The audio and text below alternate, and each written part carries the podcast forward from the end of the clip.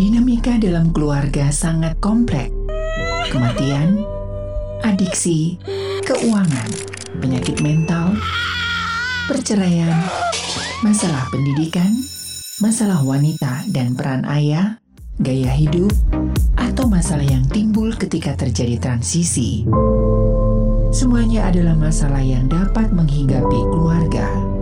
Berbagai masalah ini mungkin tak terselesaikan dengan baik.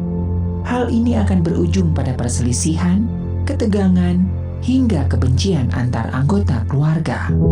Konflik keluarga dapat merusak masing-masing individu di dalamnya.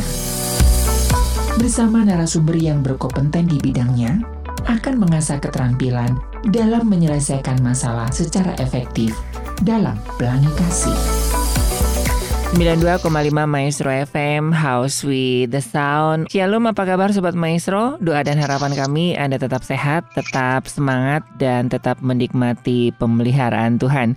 Senang sekali kembali program Pelangi Kasih hadir menemani Anda Dan kita akan melanjutkan ya Seri sukses sejati ala Kingdom Business Community Bandung. Dan seperti biasanya kalau kita sudah membicarakan tentang keuangan, tidak afdol ya kalau tidak bersama rekan-rekan Kingdom Business Community Bandung. Wow, wow menarik, menarik. Dan hari ini spesial banget ya karena cukup banyak rekan-rekan dari Kingdom Business Community Bandung yang sudah bergabung dengan kita. Sudah ada bersama-sama dengan kami ada Bapak Ferry, ada Bapak Daniel, ada Bapak Yusuf, ada Pak Andi dan juga ada Pak Samuel.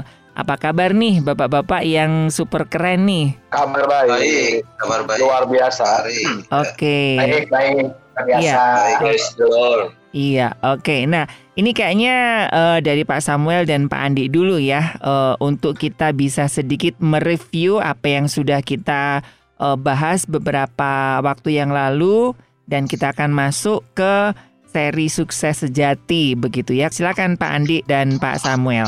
Nah, sobat maestro, uh, pada kesempatan kali ini kita akan membahas tentang uh, harta-harta kehidupan yang sesungguhnya. Nah, kita uh, fokus dulu pada satu hal yang penting yaitu tentang harta kehidupan yang sesungguhnya. Iya. Yeah. Nah, apa sih harta kehidupan yang sesungguhnya kan orang kalau bicara harta kehidup uh, harta tuh biasanya langsung otak kita wah duit ya, yeah, Maria, betul, ya. betul. Nah, Nah, versi KBC ini ada harta kehidupan yang sesungguhnya yang memang tentu kita perlu uh, dan perlu dapatkan. Apa sih harta sesungguhnya? Nah, kita lihat dulu definisi harta.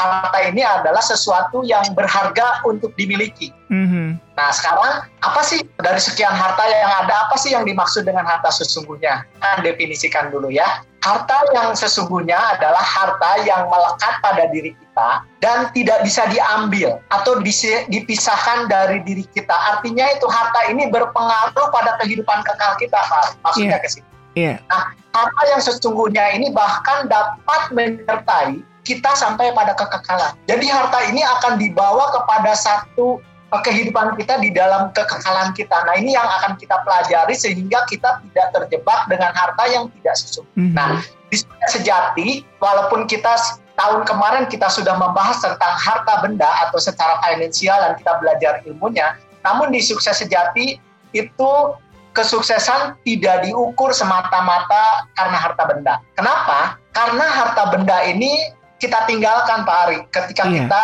kembali kepada uh, Tuhan harta benda ini kita tinggalkan karena bukan menjadi milik kita. Hmm. Harta benda ini akan menjadi fasilitas di dalam kehidupan kita untuk mencapai harta-harta yang sesungguhnya. Oleh sebab itu, eh, ada satu statement yang cukup penting, jangan tukarkan harta yang sesungguhnya dengan harta benda. Mm-hmm. Tetapi yeah. tukarkanlah harta benda dengan harta yang sesungguhnya. Nah, nanti sebentar Bro Andi akan jelaskan apa saja sih harta kehidupan yang sesungguhnya di luar harta benda. Ya, Pak. Uh, jadi kelima harta yang dimaksud Pak Sem tadi itu selain harta benda itu kita akan bahas tentang harta rohani. Yang berikutnya adalah kita akan bahas tentang harta tubuh, harta jiwani, harta hubungan, dan harta keluarga. Untuk uh, hari ini kita akan lebih banyak fokus uh, belajar tentang apa itu harta rohani. Dan di sini juga kita nggak cuma berdua yang pasiennya, tapi kita ditemani sama teman-teman mentor-mentor kita nih yang keren-keren habis nih. Pokoknya mah nanti pasti Sobat Maestro bakal dapat banyak hal dari yeah. uh, teman-teman kita dan mentor-mentor kita ini. Mm-hmm. Nah, untuk untuk membuka nih, saya mau membuka dulu sedikit nih. Sebenarnya apa sih harta rohani itu? Mm-hmm. Jadi harta rohani itu adalah bukan hanya sekedar uh, aktivitas rohani, tetapi harta rohani itu berfokus kepada hidup dengan prinsip dan hukum-hukumnya Tuhan. Nah, ayat yang akan kita uh, pakai pada hari ini adalah uh, Amsal 3 ayat 5 sampai 6 yang bunyinya percayalah kepada Tuhan dengan segenap hatimu dan janganlah bersandar kepada pengertianmu sendiri. Mm-hmm. Akuilah dia dalam segala lakumu, maka ia akan meluruskan jalanmu. Ini sangat menarik nih Bapak-bapak ya dari KBC ya. Sebelum kita bahas ataupun sharing dari satu persatu. Ini ini ini sangat-sangat uh, relate banget dengan situasi pandemi saat ini begitu. Nah, saya hanya butuh uh, peneguhan apa benar sih ya. Ini dari beberapa sharing ya rekan-rekan uh, bisnis yang bekerja begitu. Dulu bilang ah apaan sih harta rohani nggak penting lah dunia bisnis mah bisnis begitu. Tapi justru di masa pandemi ini seperti yang ayat yang disampaikan Pak Andi tadi begitu ya ternyata justru orang-orang yang takut akan Tuhan itu justru terselamatkan di masa-masa pandemi ini. Apakah seperti itu nih kesaksian dari bapak-bapak dari Kingdom Business Community Bandung ini, Pak? Ya, mungkin saya boleh minta sharing nih Pak Ferry. Yeah. Gimana nih Pak Ferry pendapatnya nih tentang bahwa harta rohani ini bisa menyelamatkan uh, kehidupan kita di masa pandemi. Benar nggak Pak Ferry? Boleh kasih kesaksian Pak Ferry? Ya, terima kasih ya. Iya. Yeah. Jadi tadi eh, firman Tuhan mengatakan ya yang tadi Pak Andi Pak Andi ya diingatin mm -hmm. lagi tadi apa katanya percayalah kepada Tuhan ya dengan segenap hatimu dan janganlah bersandar kepada pengertianmu sendiri akuilah dia dalam segala lakumu, maka ia akan meluruskan jalanmu, ya, seperti itu. Jadi memang di masa pandemi ini, ketika semuanya terkoreksi ya, seluruh hmm. bisnis yang tadinya berjalan mapan, tiba-tiba semuanya berubah, ya kan? Yeah. Lalu semuanya galau.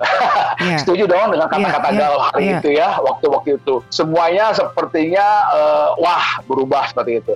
Tapi memang ketika sebelum-sebelum uh, pandemi itu Tuhan tuh ingetin saya gitu untuk hmm. mulai coba belajar membangun satu konsep bisnis melalui online ya jualan melalui online tadinya saya betul-betul mengandalkan offline jualan hmm. di tempat-tempat wisata seperti itu ya tapi entah kenapa uh, ketika saya saat, saat teduh belajar belajar uh, apa berdoa tiba-tiba Tuhan kasih gaya, saya itu gairah gitu hmm. uh, apa ke kerinduan keinginan semangat untuk belajar di online kan uh, teman-teman juga di sini uh, orang-orang teman-teman yang suka saat teduh baca firman dan berdoa. Lalu ketika kita berdoa uh, tujuannya kan kadang-kadang kita terima sebuah hikmat yang kecil ya hikmat yeah, yang sederhana. Yeah, yeah. tapi ketika kita mengerjakannya dengan setia pelan-pelan tekun tapi ternyata itu Tuhan sudah tahu di depannya bahwa itu sangat sangat dibutuhkan. Nah jadi ketika pandemi uh, karena kebetulan kami produk edu, produksi uh, produknya adalah produk edukasi, mm-hmm. semua orang stay at home, nggak boleh keluar rumah, tapi ingin berkegiatan,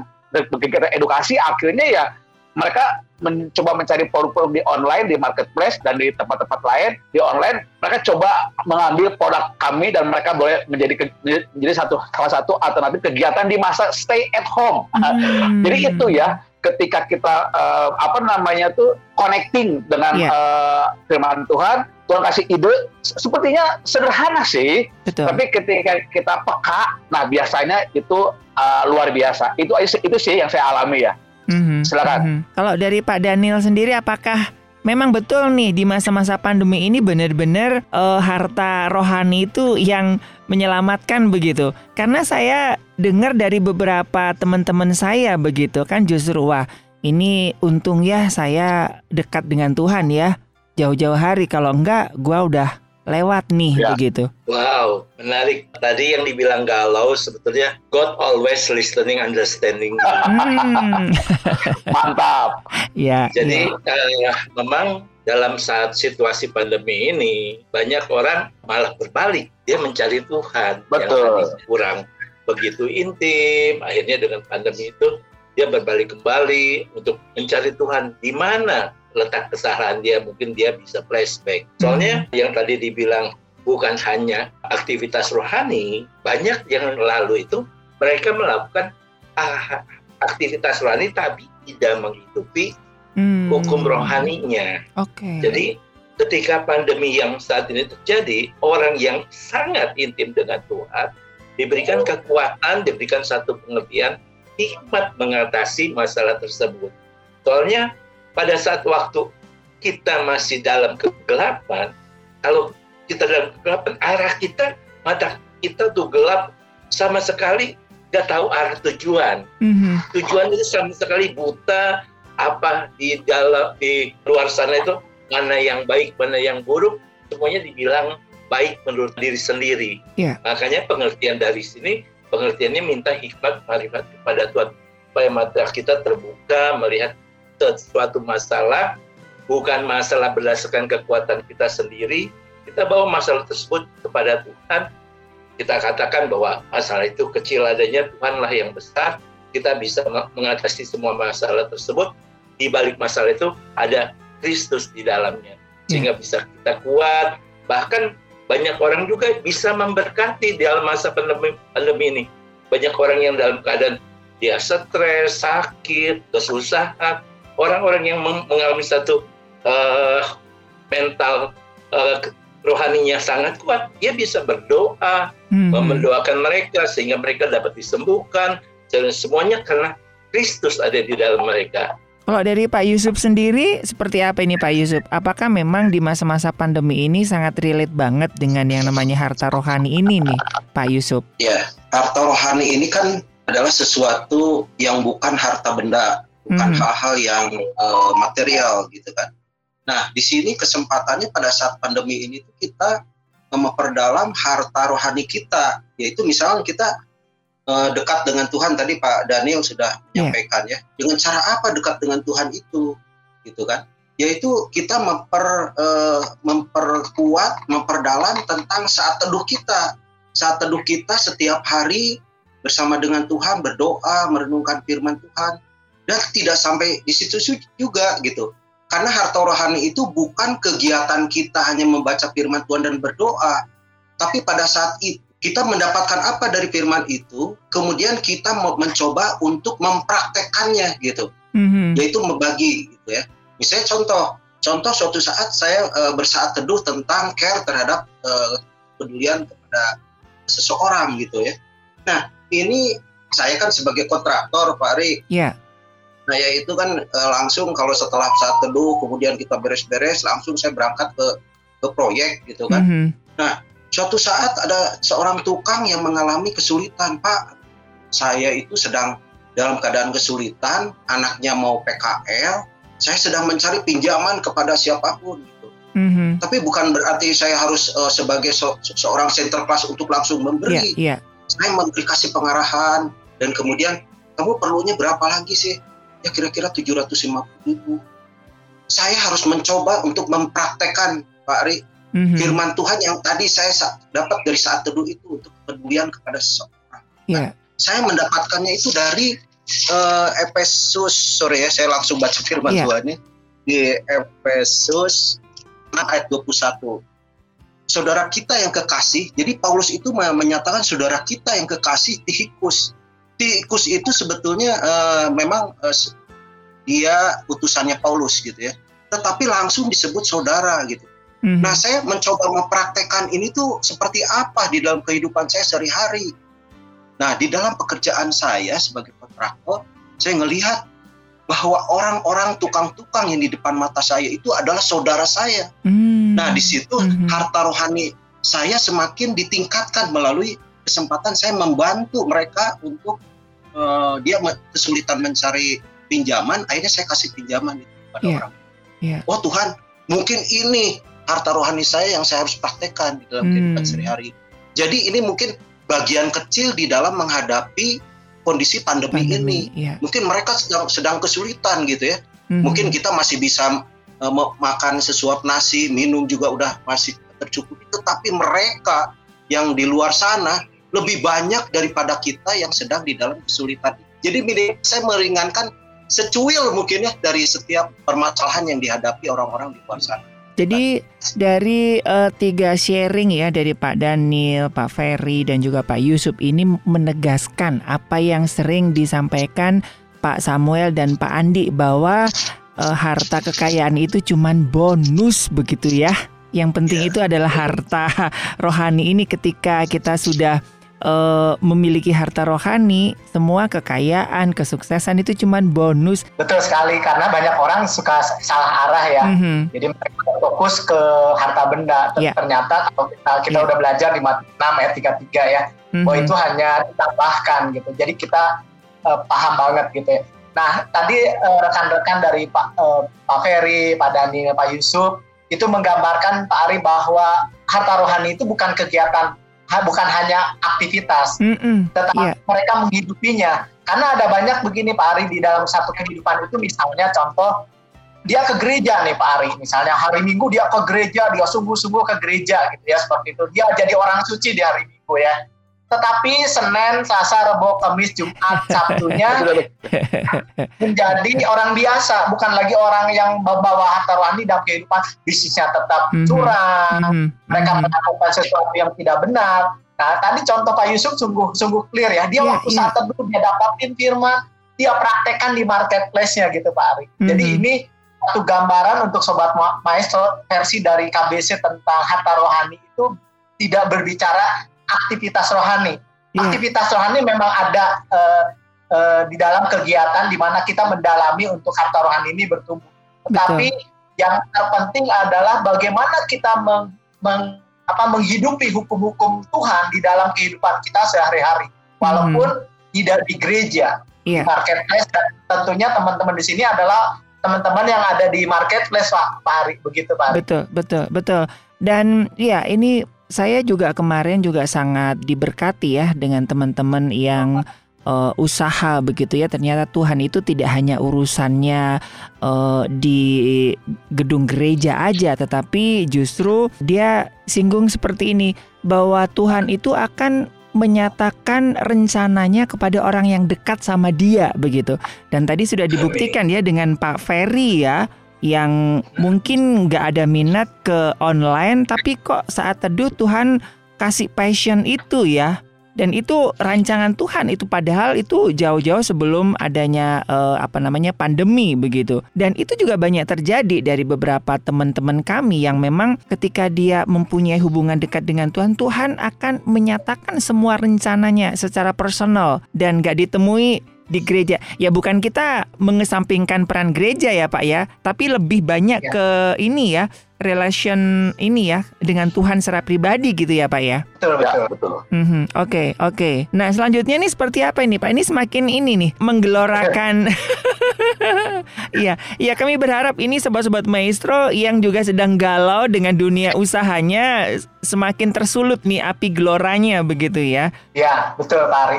Nah eh, pada prinsipnya gini Pak Ari nanti juga teman-teman di sini akan bagikan mungkin kesaksian lagi. Mm -hmm. Uh, bahwa KBC itu e, mengajarkan bahwa tidak ada perbedaan antara rohani dan sekuler. Sekuler, yes. Jadi kita anut istilah dikotomi. Mm-hmm. Karena apa? Ya, kita punya paradigma ini rohani, ini tidak rohani, ini rohani, ini sekuler.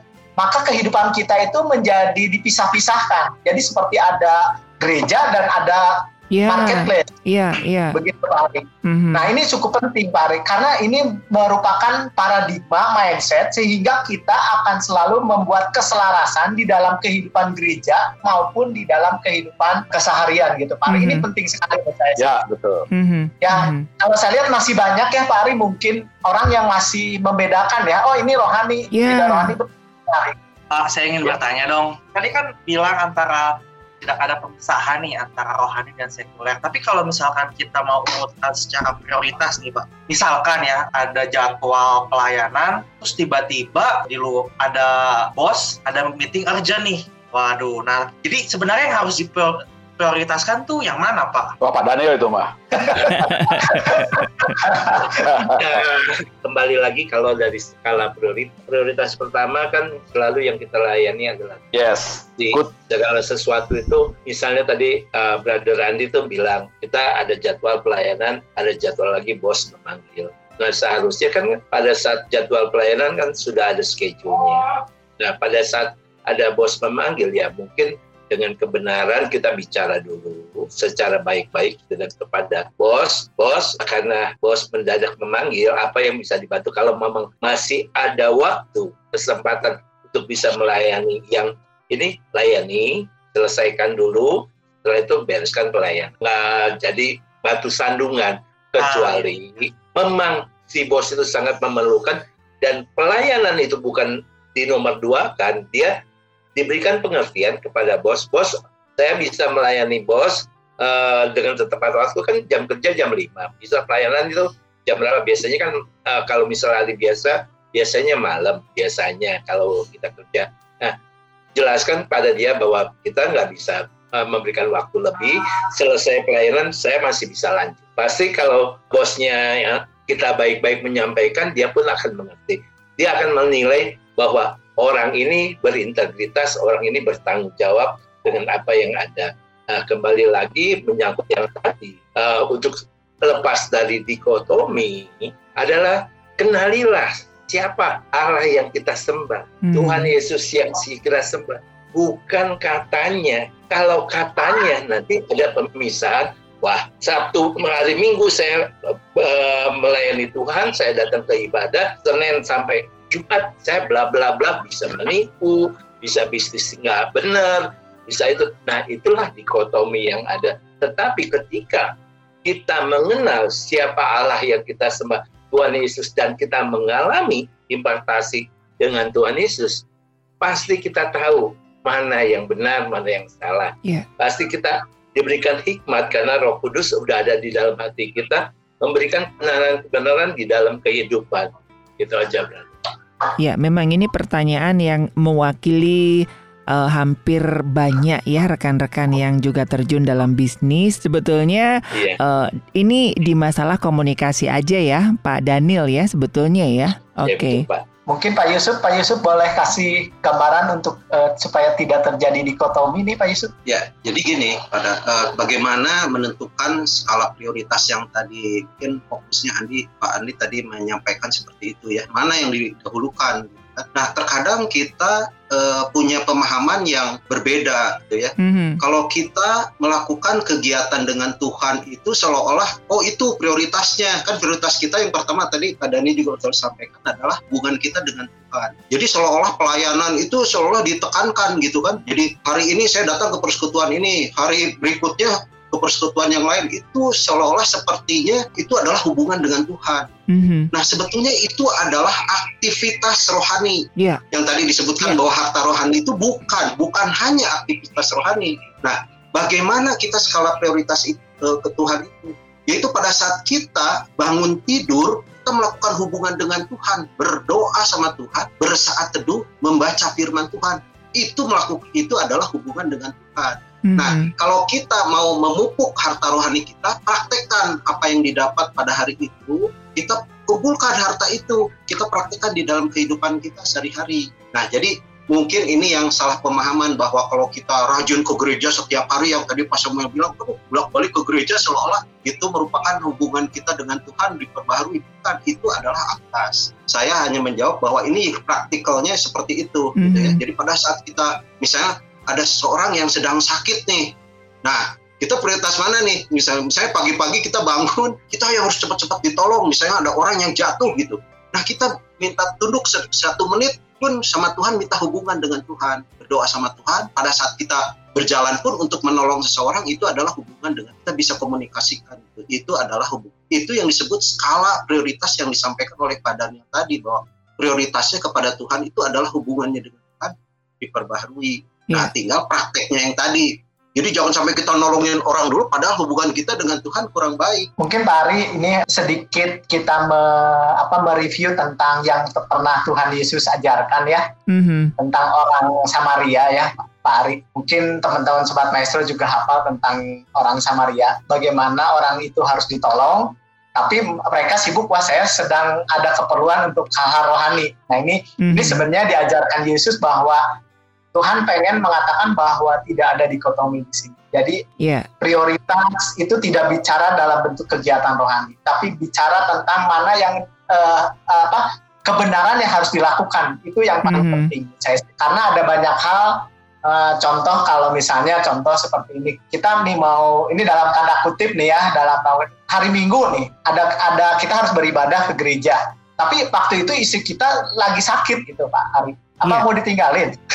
Mm-hmm. Karena bicara harta rohani bukan masalah bicara saya ke gereja atau tidak. Tentunya uh, kita tahu sebagai orang-orang dewasa akan memilih prioritas mana yang lebih didahulukan, yang lebih penting. Sama-sama semuanya dibangun di, da- di da- atas dasar harta rohani. Mm-hmm. Kalau saya misalnya memilih istri untuk uh, ditolong dulu karena sakit, itu bukan berdasar bukan berdasarkan apa-apa, tetapi berdasarkan tetap ada harta rohani yang saya berikan yeah. dalam hidup saya istri saya gitu Pak Mm-hmm. Ini contoh ekstrim aja Pak.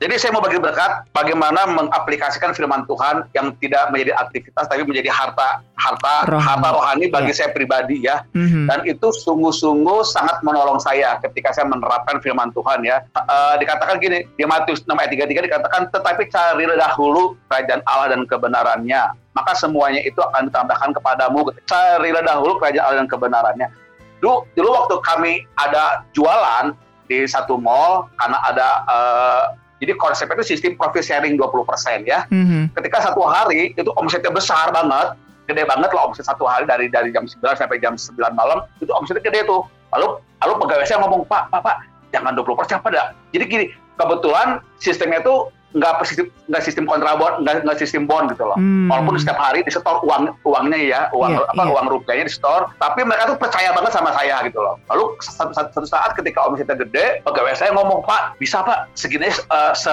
segini uh, di store-nya pak 50% aja pak eh nggak boleh saya bilang kayak kan bisnis ini kan bukan punya saya bisnis ini kan adalah uh, kalau saya kan menganggap bahwa bisnis itu adalah tujuan atau ibadah ya. Yeah. Bisnis ini adalah alat untuk memuliakan Tuhan. Jadi bagaimana? Nah jadi ketika kami uh, ketika saya memutuskan untuk tidak dipotong uang itu ya omsetnya lalu saya store ke pihak mall pihak mall kaget loh kok gede banget ya? Gitu ngerti nggak? Hmm. tapi akhirnya teman-teman apa yang terjadi? Mereka tuh jadi akhirnya jadi percaya kepada kami untuk terus boleh jualan di tempat yang sama dan itu tuh ada privilege ada satu apa ada ada, ada satu nilai uh, lebih uh, penghargaan untuk kita ya. Karena mereka percaya kepada kita gitu loh. Karena kita nggak mungkin lagi mencuri ya jadi mm -hmm. ini satu dampak ketika kita mendahulukan kebenaran ya. Kami juga punya moto teman-teman di usaha kami. Jadi sama seperti kunci sukses seperti itu sih bahwa lakukanlah segala sesuatu dengan lakukanlah lakukan hal kecil dengan benar dan setia maka Tuhan akan memberikan mempercaya, mempercayakan kau pada hal yang besar gitu lebih besar lagi itu moto kami sih yeah. jadi ketika kami melakukan hal yang kecil kami harus benar ya store ke mall-mall harus benar gitu loh ya itu jadi satu uh, harta bagi kami ya bahwa firman hmm. Tuhan itu wow keren banget Yeah. Jadi Tuhan yang Tuhan yang merilis untuk masa depan kita ketika kita melakukan kebenaran. Ini powerful sih bagi saya dan, dan saya sendiri merinding sih ketika saya yeah. mau menerangkan firman yeah. Tuhan. Wow, keren ya Tuhan bertanggung jawab ya kepada mm -hmm. firman-Nya ya. Mm -hmm. Tuhan malah kasih lebih lagi gitu loh. Makanya tadi dikatakan hal itu bonus, bonus yeah. dari keintiman akan Tuhan, bonus dari kita mau hidup dalam kebenaran seperti itu sih. Mm-hmm. Thank you. Iya, iya. Ini kemarin juga ada yang menarik Pak, ada yang ada yang nanya ya, apakah memang betul sih mamon itu menjadi satu hal yang apa ya hal yang hal hal terberat bagi para pebisnis begitu kan di Alkitab kan mamon dan Tuhan kan sama-sama huruf besar begitu. Ya, seperti ya, seperti yang disampaikan Pak Ferry itu, itu tadi kan mau milih betul. mamon atau Tuhan nih. Ya, betul banget, betul apakah, banget. Hmm. Apakah memang benar nih mamon itu menjadi satu kuasa ya, yang ya, ya.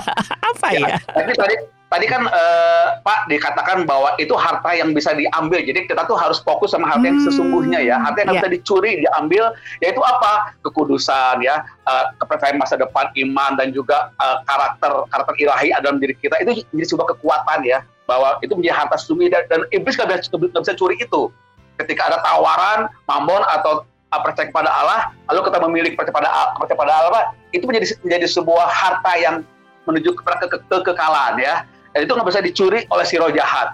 Uang mungkin bisa diambil, tapi hati yang uh, damai sejahtera, hati yang suci, hati yang uh, bisa melihat Allah itu menjadi sebuah harta yang nggak bisa harta sesungguhnya. Nah itu uh, yang menjadi uh, kepercayaan kita ya. Nah ada hal-hal apa sih Pak yang dipelajari oleh rekan-rekan uh, KBC ya sehingga ya. begitu kuatnya untuk lebih fokus pada harta rohani ini? Ya kita kan punya uh, punya punya visi bu uh, menghadirkan kerajaan Allah ke hmm. dalam dunia marketplace. Kerajaan ya. Allah itu apa sih? Wow keren banget tuh Yeah. Bagaimana kita memiliki sebuah uh, visi ya atau misi menghadirkan kerajaan Allah di dalam dunia kerja, dalam dunia usaha. Tentu kerajaan Allah itu isinya apa? Mm-hmm. Ya, tentu karena ada damai sejahtera, ada kebenaran, ada sukacita ya, ada hidup kekudusan apa, ada nilai-nilai ilahi. Itu yang menjadi PR dan menjadi tantangan kita, challenge kita ya. Dan itu kita sungguh di komunitas ini kami saling, saling sangat saling menginspirasi. Bagaimana mm-hmm. ketika kita menerapkan firman Tuhan, menghadirkan kerajaan Allah, kan itu tujuan kita bagaimana yeah, Allah yang yeah. kudus itu hadir dalam proses bisnis kita dalam yeah. jualan kita dalam usaha kita dalam uh, menservis pelanggan kita itu menjadi fokus kami fokus kita mm. karena kan bekerja itu bekerja itu sebenarnya ibadah yes. bisnis itu bukan tujuan tapi alat untuk memuliakan Tuhan. Yeah. Ini pengertian kami, Pak, teman-teman ya. Ini ini sungguh menjadi kekuatan kita semua ya. Amin. Uh, Amin. Seperti itu sih. Terima kasih, mm -hmm. Pak. Pak Arik, iya, terima kasih iya, Pak. Betul, betul. Jadi sekali lagi ya Sobat Maestro, kami menegaskan bahwa Kingdom Business Community Bandung ini adalah uh, komunitas teman-teman uh, apa namanya bisnis ya. Jadi sekali lagi ini bukan gereja kemarin. Soalnya kemarin ada yang nanya, itu gereja apa ya? Uh, di mana ya gitu. Jadi gara-gara kita bahas biasanya bahas tentang uang, tentang manajemen, kita kok ngomongin kayak rohani banget begitu ya. Jadi ya, mohon betul. maaf ini bukan gereja karena Betul, uh, semua anggota dari teman-teman Kingdom Business Community Bandung itu dari berbagai macam denominasi. Ya, jadi betul, tidak Pak, betul, ini Pak. bukan gereja ya, sekali lagi bukan betul. gereja. Oke. Okay. Ya, komunitas Pak. Komunitas ya. ya, komunitas begitu. Oke, okay, jadi siapa aja nanti bisa bergabung dan bisa ya. mendapatkan uh, spirit yang seperti disampaikan Pak Ferry, Pak Daniel, Pak Yusuf, Pak Andi, Pak Samuel dan teman-teman yang lainnya ya. Oke, wah ini sangat menarik sekali ya. Ini kita baru kulitnya aja begitu ya. Sudah sekian menit nih nih. Oke, nah. Oke. Okay. waktunya. Iya, selanjutnya. Ada yang mau saya tambahkan, Pak. Silakan, silakan, Pak. Uh, jadi gini, tadi yang uh, apa aja sih yang ada di dalam uh, eh, KBC ini gitu kan? Hmm. Bahwa kita tidak menekankan uh, harta yang tadi disebutkan oleh Pak Andi itu ya. Yeah. Ke salah satu harta, tetapi ini harta ini harus seimbang ya. Mm-hmm. Jadi harta rohani kita jangan sampai kita baca firman setiap hari yeah. terus tidak praktek di dalam kehidupan sehari-hari. Itu juga salah. Jadi jadi di tadi disebutkan oleh Pak Andi harta rohani, harta tubuh, harta jiwani, harta benda, harta hubungan, harta keluarga. Ini hmm. harta harus uh, seimbang. seimbang. Jadi kalau misalnya uh, sebuah bola itu harus seimbang, dia ada di poros-poros yang di tengah. Okay. Jadi bukan harta rohani dia muncul ke atas, kemudian nanti uh, rodanya akan tidak bisa berputar dengan baik. Hmm. Betul. Jadi roda kehidupan juga kita harus seimbang Betul. antara harta rohani, harta tubuh. Ya kita juga kalau seandainya baca firman Tuhan terus di di kamar, kemudian kita tidak keluar-keluar, apakah tubuh kita menjadi baik atau tidak, hmm. gitu kan? Terus hmm. kita tidak punya satu kontak dengan yang lain, apakah punya harta hubungan dengan baiknya dengan orang lain? Wah, yeah. jadi ekstrim nih. Mereka ada di kamar gitu kan, di rumah gitu dan juga akhirnya harta benda. Yo kita udah uh, baca firman Tuhan, kemudian langsung kerja sampai sampai malam alkoholik gitu ya nih kerja alkoholik gitu. Jadi ini harus seimbang gitu kan. Nah orang-orang dunia ini maaf dalam tanda kutip orang orang dunia itu dia mementingkan segala cara untuk memperoleh harta benda. Kenapa kita tidak mengumpulkan harta rohani yang punya satu keberhasilan yang harus diraih juga oleh setiap orang di dalam kehidupannya gitu. Nah hmm. ini di dalam komunitas kami uh, belajar untuk uh, me me mencoba menseimbangkan semua yeah. yang okay. itu yang saya tambahkan. Oke, okay. iya, iya. Jadi di sini sangat clear ya sobat maestro ya. Jadi sudah tidak ada dikotomi lagi ya. Oke, okay. sudah clear ya kita tentang dikotomi ini ya. Selanjutnya ini seperti apa ini Pak Andi dan Pak Samuel? Thank you teman-teman sudah memberikan penguatan tentang uh, dikotomi ya.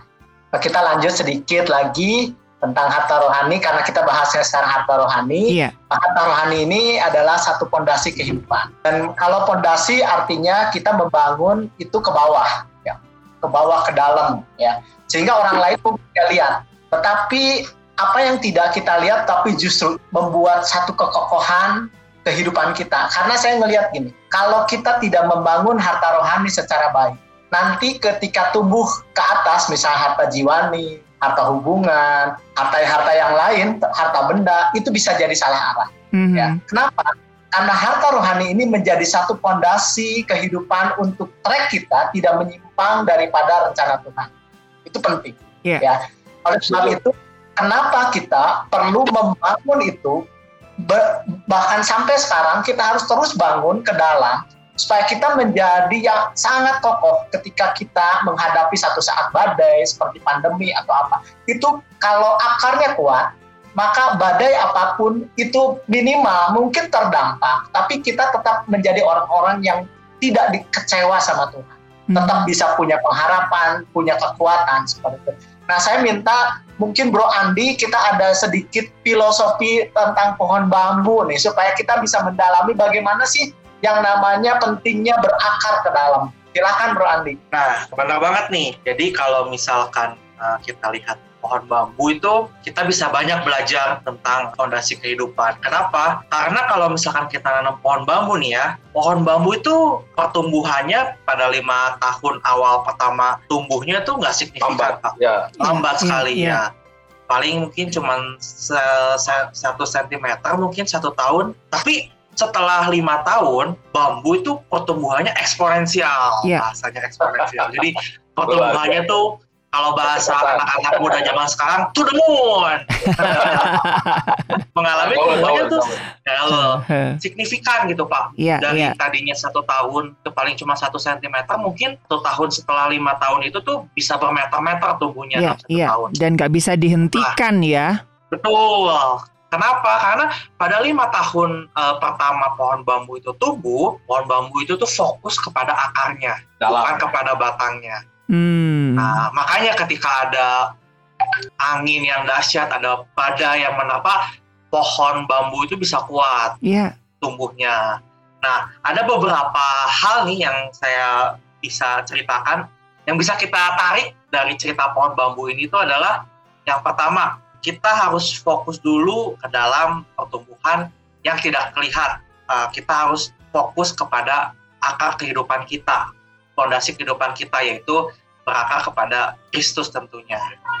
Nah, ketika kita sudah uh, berfokus kepada um, apa namanya fondasi akar itu, pertumbuhan itu udah nggak perlu kita cari lagi, udah jadi bonus dan pasti hmm. kita akan bertumbuh. Yeah. Dan pertumbuhan itu pun akan secara eksponensial. Yang ketiga, karena akar kita sudah dalam, sudah kita berakar uh, sangat dalam, maka ketika ada badai itu pasti uh, kita akan kuat. kuat menerima badai itu. Nah sekarang yang berikutnya yang paling uh, yang gak kalah pentingnya adalah kalau misalkan kita lihat uh, hutan pohon bambu tuh pasti ada yang namanya hutan bambu kan. Iya. Yeah. Jadi banyak sekali pohon-pohon bambu di situ. Nah, itu berbicara tentang kita berhidup dalam komunitas. Jadi setelah kita punya fondasi dasar yang kuat, kita tidak mudah di oleh badai, kita juga harus membantu sesama kita untuk saling menolong ketika ada, uh, ada uh, orang di sekitar kita yang mungkin uh, jatuh atau perlu pertolongan kita harus tolong. Nah, begitu Pak jadi filosofinya. Mm-hmm. Akar, tumbuh dan kita berhidup dalam komunitas. Tadi sesuai filosofi tersebut kan itu bambu itu harus menumbuhkan akarnya dulu. Mm-hmm. Akarnya itu kan menjadi nutrisi. Yeah. Ibarat kita seorang itu harus mengenal dulu, mencari itu siapa Allah kita. Hmm. Nutrisinya akar itu kan sampai kedalaman, sampai ketemu air. Ya. Kalau air kan sumber kehidupan, Bu. Hmm. Sumber kehidupan adalah Tuhan. Jadi bukan hanya tumbuh lima tahun pada saat kita mengenal Tuhan, hmm. mengenal Allah yang kita sembah yaitu Tuhan Yesus, kita hidup kita akan berubah, Bu. Yeah. Kalau hidup kita karena kita mengasihi Tuhan pasti hidup kita diubahkan, hidup kita bisa mengasihi, hidup kita menjalankan kebenaran yang nyata gitu Bu. Dalam hmm. dunia bisnis ini tadi yang tadinya ah, kita gelap berubah menjadi terang. Kita harus menjadi garam dan uh, terang di dunia ini kan Bu. Karena hmm. kalau garam itu asin siapa yang mau bisa uh, akan dipakai. Nah, pada saat kita menjalankan bisnis, pasti bisnis itu akan berjalan sesuai kebenaran. Mengenai pertumbuhan, semuanya Tuhan akan Tuhan, ya. berikan ya. kalau di dalam kebenaran yang ada. Segala sesuatu itu akan sempurna kalau kita berjalan. Karena orang benar itu akan bertumbuh, contohnya seperti pohon korma. Pohon korma ini hampir sama dengan hmm, bambu. Uh, bambu. Pohon betul, korma betul. itu harus nembus kedalaman dia ditanam, ditindikan batu, banyak batu sekali, sehingga uh, sebelum dia tumbuh harus akarnya dulu sampai mencapai sumber air.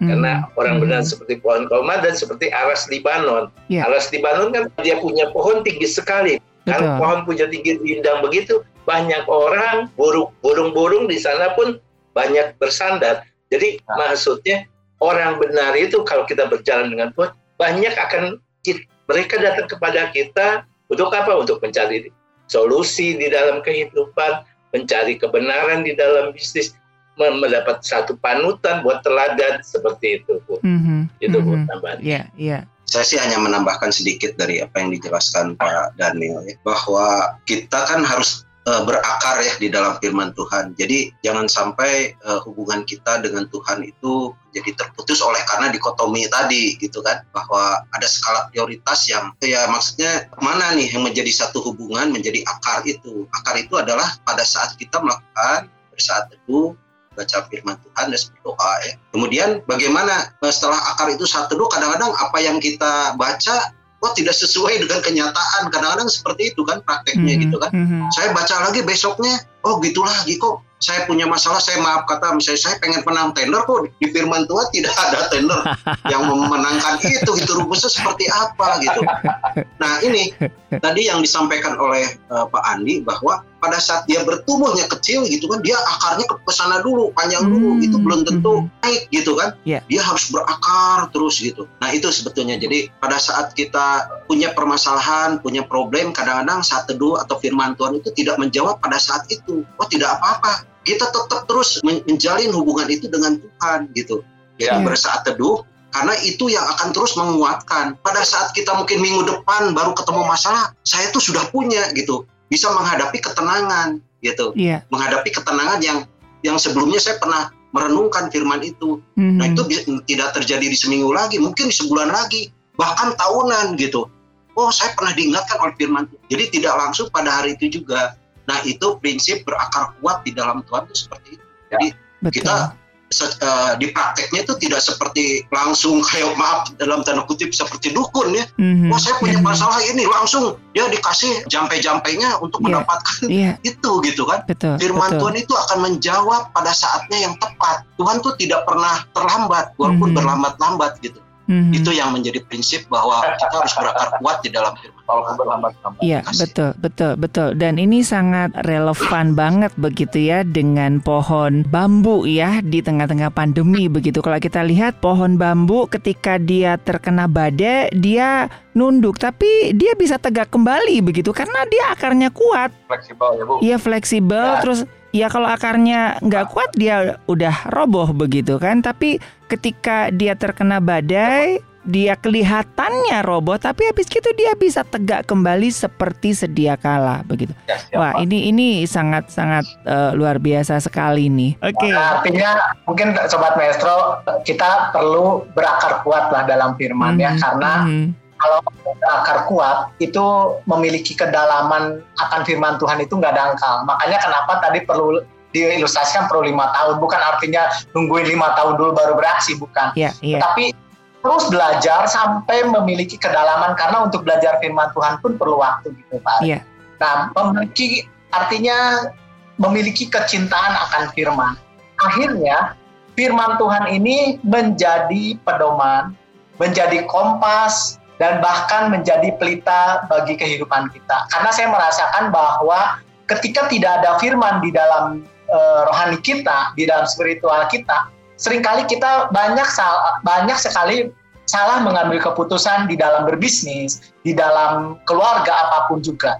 Jadi ini perlu berakar kuat supaya apa? Supaya selain uh, masalah yang akan kita hadapi, kita bisa mem, uh, mem, mem, memilih keputusan-keputusan yang tepat, itu membuat menjadi luar biasa. Oleh sebab itu, setelah berakar ini ada uh, satu gambaran tentang bagaimana uh, kita ini um, harus melakukan firman Tuhan, Pak Ari. Jadi yeah. setelah ke dalam baru kita lakukan ini di dalam Matius 7 ayat 21, 24 sampai 27 itu diilustrasikan tentang orang yang mendengar firman Tuhan, belajar firman Tuhan, lalu melakukannya itu seperti bangunan yang di di pondasinya di batu karang. Mm-hmm. Tetapi kalau orang yang hanya sekedar mendengar terus tidak melakukannya itu seperti bangunan yang hancur. Karena apa? Karena firman Tuhannya itu tidak dipraktekkan Pak Ari. Iya. Nah, sobat maestro, kita sudah banyak mendapatkan daging ya. Aduh, senang sekali ya kali ini kita makan enak ya, makan daging-daging semua begitu. kita sudah banyak mendapatkan mendapatkan insight uh, seputar harta rohani ini. Ini baru seri pertama sobat maestro ya. Jadi jangan lewatkan seri-seri yang lainnya. Nah, kira-kira apa yang bisa kita simpulkan dari bahasan kita kali ini? Bapak-bapak ini dari Pak Ferry, Pak Daniel, Pak Yusuf, Pak Samuel, dan Pak Andi? Ya kalau bagi saya, firman Tuhan itu tidak mengubahkan saya, tidak mengubahkan Anda, tidak mengubahkan semua orang. Kalau kalau hanya eh kalau tidak dipraktekkan, ya firman Tuhan itu akan menjadi milik saya, akan menjadi harta yang membawa saya kepada panggilan Tuhan, kepada visi dan misi yang Tuhan tetapkan secara pribadi untuk saya. Ketika saya mau taat dari hal yang kecil, dari saat yang pertama, saat yang kedua, saat yang ketiga. Karena prinsipnya ketika firman Tuhan kita lakukan dan kita mau taat, itu akan menghasilkan saat yang kedua, akan menghasilkan lagi saat yang ketiga. Lama-lama kita harus berada di tempat yang jauh yang Tuhan mau kita ada di sana. Jadi tadi itu menjadi harta uh, kekuatan kita ya. Kayak sendiri Tuhan seperti itu sih. Uh, ketika firman Tuhan kita praktekin, itu menjadi kekuatan, menjadi harta yang tadi katakan menjadi seperti runtuh yang dibangun di atas batu ya. Ketika ada badai tidak runtuh tapi tetap berdiri tegak. Di masa pandemi ini pastiin teman-teman ketika teman-teman dapat firman Tuhan itu sekecil apa pun juga praktekin. Nanti teman-teman akan kagum dengan Tuhan yang luar biasa. Kalau dari saya eh, sesuai filosofi bambu itu kenalilah siapa Allah yang kita sembah Tuhan Yesus yang kita sembah ketika engkau mengenali, kau kenal dengan Allah, dengan Tuhan Yesus, kau akan menjadi intim. Pada saat intim, kau udah intim mestinya jalan harta rohanimu, hukum rohanimu tinggi, kau hidup di dalam rema firman setiap harinya. Kau menjadi kuat, bisa memberkati semua orang, bisa menolong semua orang, karena Tuhan Yesus sudah ada di hatimu. Roh Kudus sudah. Amin. Ya, terima kasih. Okay. Ya, kalau dari saya, saya berdasarkan kepada Kolose 3 ayat 23 ya. Apa pun juga yang kamu perbuat, perbuatlah dengan segenap hatimu seperti untuk Tuhan dan bukan untuk manusia. Yes. Yeah. Jadi yes. adalah lebih bijaksana ya bila keberhasilan kita mendapatkan harta benda, kita kerja mati-matian istilahnya dalam tanda kutip gitu ya. Itu tuh harus diimbangi dengan keberhasilan harta rohani kita. Jadi pada saat kita tidak seimbang, kita akan mengalami goncangan-goncangan kehidupan. Mm-hmm. Good point. Oke. Okay. Pak Samuel? Sudah lengkap, saya hanya baca ayat saja. Orang kalau merenungkan eh apa licik licik malam ya. Orang yang suka ya akan firman Tuhan artinya orang yang suka ada janjinya. Dia ya. seperti pohon ditanam di tepi aliran air yang menghasilkan buahnya pada musimnya yang tidak akan daunnya apa saja yang diperbuatnya berhasil. Kenapa berhasil? Karena pondasinya, arahnya, keputusannya tepat, ya. tepat dan benar. Wow, menarik. Terakhir, Pak Andi. Jadi kalau kalau buat saya tuh uh, ada alasannya kenapa uh, ada di firman tuh ditulisnya firmanmu pelita bagi kakiku, yes. terang bagi jalanku, Uh, bukan uh, bukan firmanmu adalah pintu ke mana saja yang dapat membawa kita langsung ke tempat yang kita mau. Nah, ada alasannya kenapa tuh pelita dan uh, bagi kaki kita dan terang bagi jalan. Karena Tuhan mau kita ikutin prosesnya Tuhan. Yes. Jalan selangkah demi selangkah mengikuti yes. tuntunan Tuhan, mengikuti waktu yang terbaik menurut Tuhan. Kan langsung instan in the blink of the eye harus jadi bukan gitu.